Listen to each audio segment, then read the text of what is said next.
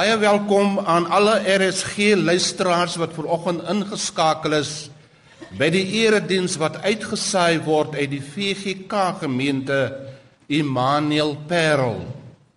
Die skriflesing vind ons in Jesaja 49 van vers 13 tot 21 en Hebreërs 13 vers 5b. O diepte van die rykdom en wysheid en kennis van God. Hoe ondeurgrondelik is sy oordeele. Hoe onnaspeurlik sy weë. Wie ken die bedoelings van die Here? Wie gee hom raad? Wie bewys hom 'n guns sodat hy verplig is om iets terug te doen? Uit hom en deur hom is alle dinge. Aan hom behoort die heerlikheid tot in ewigheid. Amen. Gemeente, ek groet u Mag daar vir julle genade en vrede in oorvloed wees deur julle kennis van God en van Jesus ons Here. Die lofsang van die gemeente is Gesang 33 verse 1 tot 5. Gesang 33 verse 1 tot 5 sing ons hartlik saam.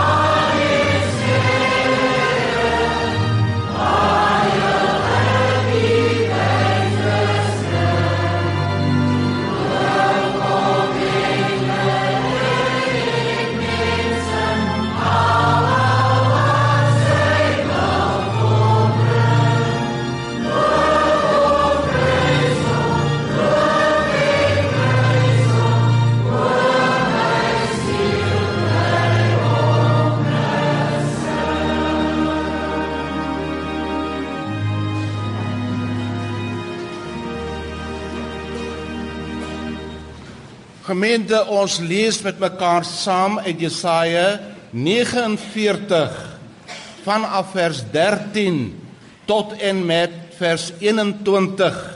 En dan lees ons 'n gedeelte in die Nuwe Testament, net een teks Hebreërs 13 vers 5b. As jy nou die gedeelte daar het, dan lees ons saam. Jubel hemel. Juig aarde. Sing vrolik berge. Die Here het sy volk uitkoms gegee. Hy het hom ontferm oor sy volk wat in nood was. Sion sê die Here het my verlaat. Die Here het my vergeet. Kan 'n vrou haar eie baba vergeet? Haar nie ontferm oor die kind wat sy in die wêreld gebring het nie. Selfs al sou so iets kon gebeur, ek sal jou nie vergeet nie. Ek het jou naam in my handpalms gegraveer. Ek sien jou mure altyd voor my. Jou kinders kom binnekort en die wat jou verwoes en verniel het, sal uit jou uitpad gee. Kyk rondom jou en sien wat gebeur. Al jou kinders kom bymekaar en hulle kom na jou toe.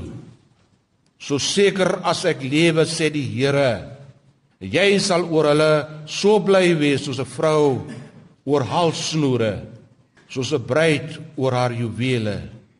Jy is nou net pynhoop en ruïne, 'n woeste plek, maar jy sal 'n klein word vir jou inwoners, vir die wat afgebreek het, sal verdwyn.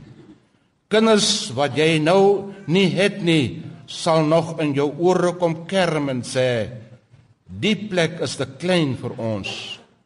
maak vir ons plek om in te woon. Dan sal jy dink wie het hierdie kinders vir my in die wêreld gebring? Ek was kinderloos en onvrugbaar, 'n balling, 'n verstoteling. Wie het hierdie kinders grootgemaak? Ek het alleen oorgebly. Waar kom hulle vandaan? En nou lees ons die gedeelte in Hebreërs 13 vers 5b.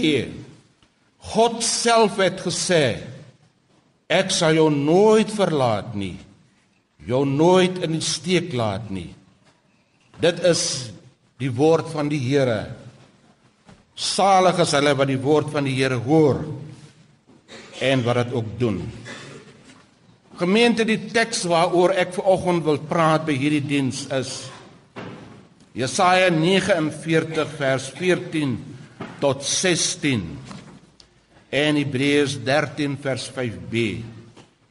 Die tema van my boodskap is God sal jou nooit vergeet of verlaat nie. Broers en susters, die lewe van 'n gelowige is nie altyd 'n gelykpad nie. Daar kom soms baie dae wanneer ons hoë steiltes moet klim en dit wels deur diep riviere moet gaan. En nêrens in die Bybel word ons voortdurend voorspoed en ewige gesondheid beloof nie. Wat die Bybel wel beloof is dat geen probleem ooit te groot kan wees dat ons dit nie met die God se krag kan oorwin nie. Daarvoor sal God sorg want hy word nooit moeg daarvan om na ons om te sien nie. As ons na die lewens van God se manne en geloofshelde kyk, dan vind ons dat ook hulle tye van stryd en lyding geken het. Dat hulle ook lewenskrisisse gehad het wat hulle na God laat roep het sonder dat daar iets gebeur het. God het nie dadelik ingegryp om hulle hulp geroep op hulle hulp geroep te reageer nie. En daar was ook tye dat hulle begin wanhoop het en soms in God begin twyfel het. En dit het dikwels daartoe aanleiding gegee dat hulle in geestelike vertwyfeling en in totale mismoedigheid verval het. In die gedeelte wat ons met mekaar saam gelees het, vind ons dat ook die volk van die Here begin twyfel het. En daarom het hulle God begine verwyd deur te sê die Here het my verlaat, die Here het my vergeet. Wat was die rede dat die volk dit so gewaag het om hierdie woorde teenoor God te slinger? Die volk was in ballingskap in Babel. Dit was 'n donker tyd in die volk se geskiedenis. Hulle is weggevoer van Jerusalem, die stad van God. En hulle het in 'n vreemde land hulle bevind met 'n vreemde kultuur. Die tempel in Jerusalem is plat met die aarde geveeg. Hulle huise het in puin gelê en hulle dorpe en stede is afgebrand en vernietig. Hulle landrye was oordek met onkruid en hulle wingerde en vrugtebome het gesterf. Die land van melk en honing het in 'n woestyn en 'n wildernis verander. En die volk het voortdurend op God nog vertrou dat hy hulle sal bevry en hulle sal terugkeer na hulle land, die land van hulle geboorte. Maar niks het gebeur nie. En dit het alles vir hulle te veel geword. Daarom dat hulle in radeloosheid en in frustrasie teen God begine uitvaar. Hulle het begine vra waar is God? Waar is die bevryding? Hulle was op die randjie van wanhoop en van vertwyfeling. Korus, die koning van Babel het weliswaar gesê hulle kan terugkeer, maar die pad was ver. Sewe geslagte sal nog moet kom voordat hulle uiteindelik bevry sal word. Dan spyte van die woorde in vers 13 waar staan jubel hemel, juig aarde, sing vrolik berge, die Here het vir sy volk uitkoms gegee. Hy het hom ontferm oor sy volk wat in nood was, was die volk steeds versla en verpletter. En het hulle in moedeloosheid uitgeroep tot die Here en gesê Here, U het ons verlaat. Here, U het ons vergeet.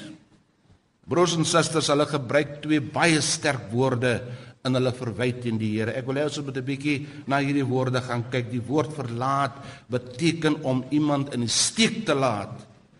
Dit is soos wanneer 'n man sy vrou verlaat en wegloop van haar. Soos iemand wat sy vriend die rug keer en wegloop. Die verhouding verbreek en alle bande verbreek. Dit is die betekenis van die woord verlaat om iemand die rug te keer. Die volk wou daarmee vir die Here sê God, U het ons in die steek gelaat. Here, U het U rug op ons gedraai. Here, U het ons U verhouding met ons verbreek. Ons voel verstote, verlore. U het ons na 'n vreemde land laat kom en ons aan ons eie lot oorgelaat. Dit is wat die woord verlaat daarmee verstaan moet word. Dan gebruik hulle ook 'n ander woord vergeet. Dit is net so 'n sterk woord. Die woord vergeet beteken om iets uit jou geheue uit, uit te wis. Om nie meer langer daaraan te dink nie. Om nie meer langer bewus te wees van iemand of iets nie. Wat die volk dan eintlik vir die Here wil sê is dat God hoegenaamd nie meer aan hulle dink nie. God is nie langer bewus van hulle omstandighede, hulle lyding en hulle swaar kry nie. God het hulle uit sy geheue uitgewis. Die Here het my verlaat. Die Here het my vergeet. Dit is die verwyte teenoor God. Hulle het gevoel dat God homself van hulle gedistansieer het dat hy hom vervreemd het van hulle en hulle aan hulle eie lot oorgelaat het. Daar mag vanmôre baie mense wees wat ook van wie hulle omstandighede so teenoor die Here voel. Wat wonder waarom gebeur slegte dinge met God se kinders? Wat ook voel dat die Here hulle vergeet het. Die Here het hulle in die steek gelaat. Mense wat in in hulle moeilikste tye en swaar kry tye, in tye van lyding, van pyn, in tye van lewenskrisisse tot God geroep het en gebid het sonder dat daar iets gebeur het. God het nie ingegryp nie. Miskien net ook u vanmôre voel u ook vanmôre so wanhoopig en begin ook in God te twyfel. Miskien verkeer ook u in geestelike vertwyfeling en in totale mismoedigheid en wonder waarom God nie op u geroep en u gebed reageer en waarom God nie uitkoms bring nie. Moontlik wonder u ook soos die volk van ouds of die Here u nie verlaat het of vergeet het nie. U vra moontlik ook het God nie moontlik sy rug op my gedraai en my uit sy gedagte wêreld uitgewis nie. U worstel al jare met 'n siekte toestand. En daar is al met tyd ook gereeld vir u gebid, maar steeds het niks met u gebeur nie. U het onlangs 'n verdommende boodskap ontvang dat 'n kwaadaardige gewas in die liggaam ontdek is. Ook u het by jouself gewonder of God nie vir my vergeet het nie. Waarom gebeur dit met my? U bid soveel jare vir u kind of u man of u broer wat aan alkohol of dwelms verslaaf is en steeds is daar geen verandering nie. Wonder u nie ook miskien of God u nie ook mondelik die rug gedraai het nie. Jy wat besef dat jou eens gelukkige huwelik op die rotse is of wat reeds op pad na die egskeiding hof is of wat môre met 'n ernstige huweliksprobleem worstel en die saak na die Here gebring het, wonder ook u nie waarom het God nie ingegryp op jou gebed en jou uitkoms gegee nie. En wat van jou wat met ernstige finansiële probleme worstel? Jou besigheid kan nie van die grond af afkom nie. Jou drome wil net nie waar word nie. Jy is besig om alles te verloor. Wonder jy ook nie waar is God nie? Jy wat jou werk verloor het en al wat al maande sonder sukses werk soek. Jy wat op uitkoms gehoop het en niks gebeur nie. Jy kry bitter swaar en jy is so gefrustreerd asof dit lyk dat daar is nie 'n lig in die tonnel nie. Het jy nie al begin wonder of God nie jou verlaat dit nie? Ook jy wat 'n dierbare aan die dood afgegee het en wat al so lank worstel met die waaroms. Is daar nie ook woede in jou hart teenoor God nie? Broers en susters, 'n mens kan so maklik in die versoeking kom. Veral in krisisoomblikke om soos die volk van ouds die Here te verwyd dat hy ons verlaat en vergeet het. In tye van lyding, in tye van pyn, in tye van beproewings, in tye van swaar kry, in tye van teëspoed kan 'n mens so maklik voel God het my die rug gedraai. Maar wat was God se reaksie op hierdie verwyte van die volk? Toe die volk vir hom gesê het hy het hulle verlaat en vergeet. God antwoord eerstens soos volg deur te vra: Kan 'n vrou haar eie baba vergeet? Haar nie onferm oor die kind wat sy in die wêreld gebring het nie. Selfs al sou so iets kon gebeur, ek sal jou nie kan vergeet nie. Die beeld verwys na 'n moeder, 'n vrou wat 9 maande haar kind in haar liggaam gedra het. Die kind wat deel van haar liggaam was, deel van haar vlees en van haar bloed. Sal so 'n moeder in staat wees om haar kind te kan vergeet, die smart en die pyn waar sy mee sy hierdie kind in die lewe gebring het, dra tog by tot 'n kragtige en 'n innige band tussen 'n ma en 'n suigling, 'n band van innige liefde, beskerming en trou. Niemand is so na aan 'n moeder as haar pasgebore kind nie. So sê die Here, voel hy teenoor sy volk, daar is ook 'n innige band van liefde en trou tussen hom en sy kinders. En al sou dit ook gebeur dat 'n moeder haar rug op haar suigeling draai, wat in baie hoë uitsondering is dit gebeur nie maklik nie. God verseker sy volk dat hy dit nooit sal kan doen nie. God wil met hierdie beeld ook vir elkeen van ons sê ons wat miskien vanmôre aan sy trou en liefde twyfel dat hy nader aan ons is as ons vader of ons moeder omdat hy ons skepper is. Ons is sy beelddraers. En net soos die moeder oor haar suigling voel so voel God teenoor elkeen van ons. God is nie in staat om ooit sy rug op u en my te draai en weg te stap nie. God kan ons nie vergeet nie en God sal ons nooit verlaat nie.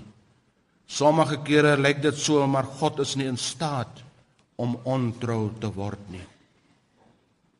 Die woorde van Hebreërs 13 vers 5b is duidelik daar staan En ek haal aan God self het gesê: Ek sal jou nooit verlaat nie, nooit in die steek laat nie.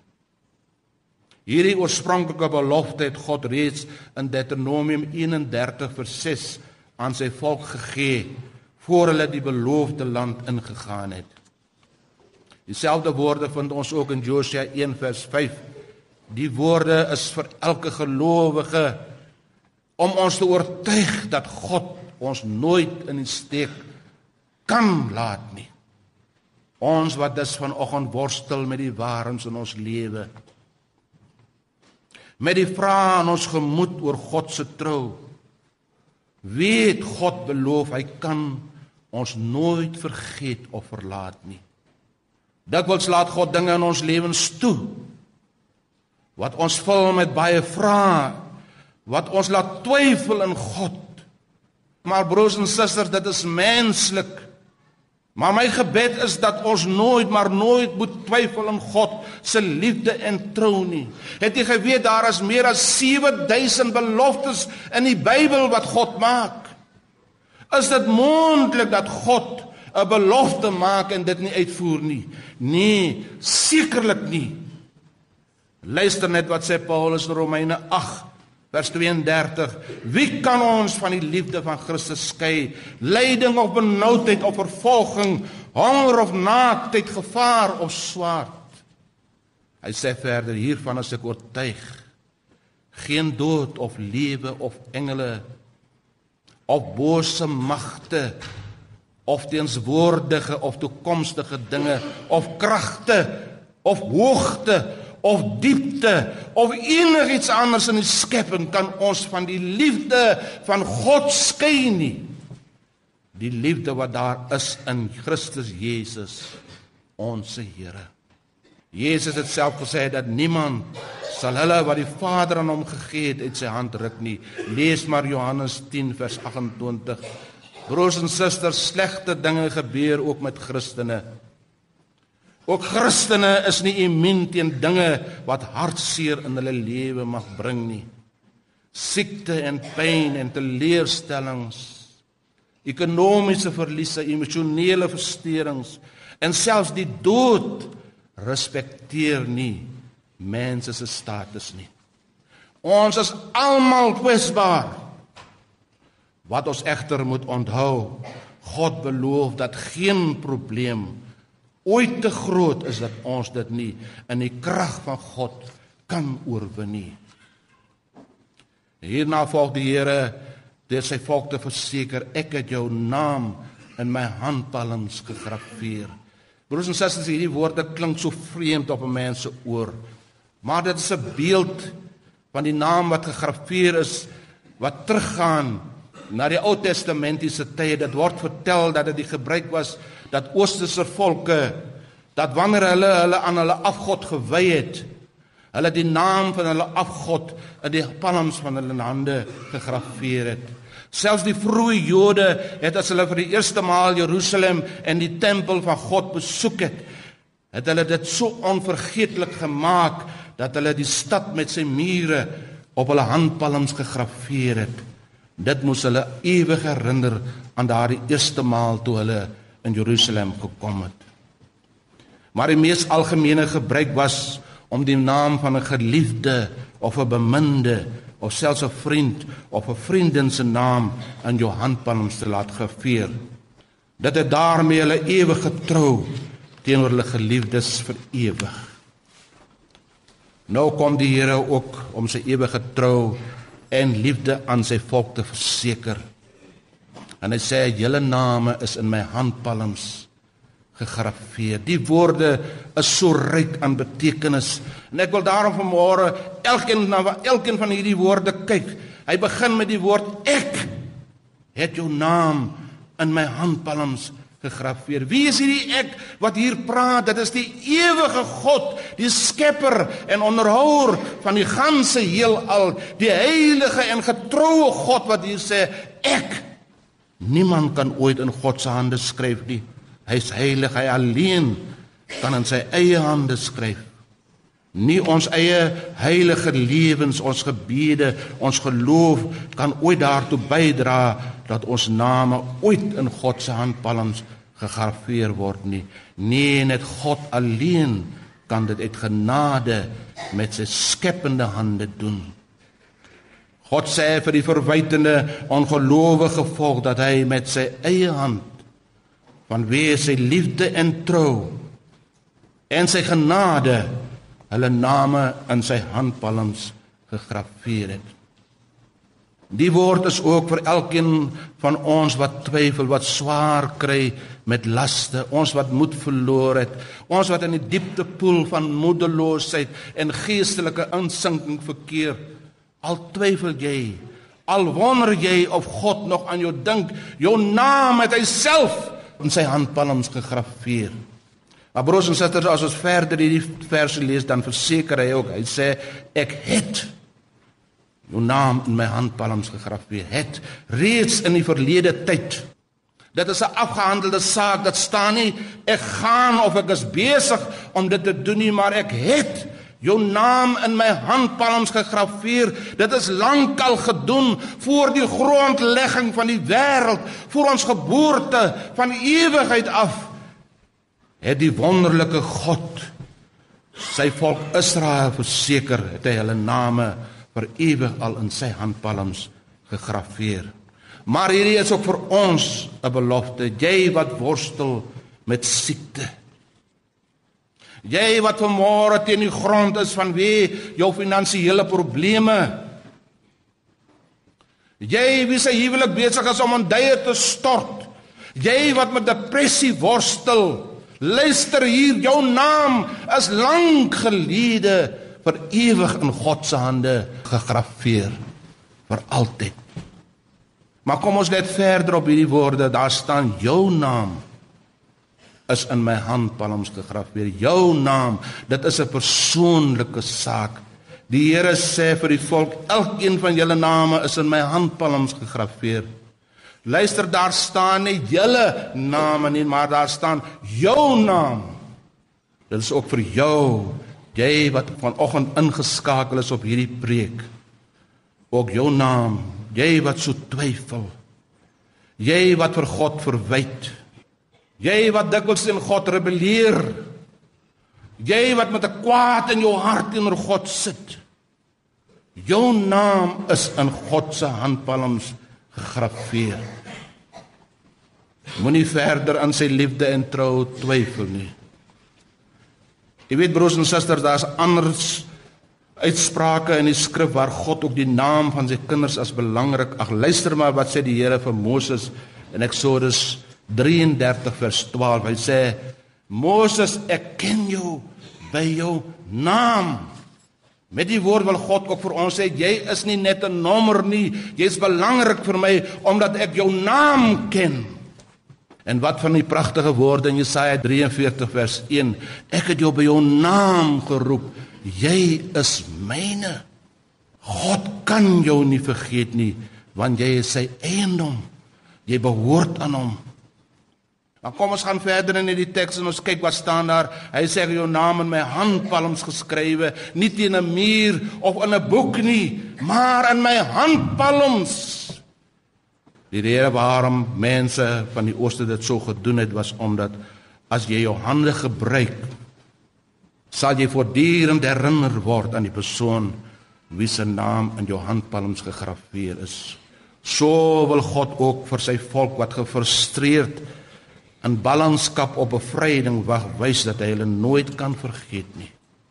God verseker ook vir ons dat hy ons nie kan vergeet nie selfs in die donkerste tye in ons lewens wanneer ons voel ons het nie krag om teen ons omstandighede te stry nie. Hy dink gedurig aan ons omdat ons naam in sy handpalms gegraveer is. Kom ons kyk na die woord gegraveer wat hier staan in hierdie teks. The New International Edition van die Bybel praat van getatoeëer. Jou naam is in my handpalms getatoeëer. Dit beteken die naam is nie met ink geskryf wat uitgewis kan word nie. My broer en suster, reeds in die vroegste Bybelse tye is 'n soort inkstof gebruik wat onuitwisbaar was. En dit is gewoonlik met 'n skerp naald in die vlees van die handpalm ingekerf. Die motief of die naam sal vir altyd daar wees onuitwisbaar. God wil ook hierby vir sy volk sê, julle name sal altyd deel wees van my. Ek sal jou nooit kan vergeet nie. Dit is ook die woord vir elkeen van ons wat vanmôre in hierdie kerk sit of wat ingeskakel is op die radio Wat jou omstandighede ook mag wees en hoe hopeloos en verlore jy ook vanmôre mag voel, God sal jou nooit vergeet nie. Nog minder sal hy jou verlaat want jou naam is in sy handpalms gegraveer.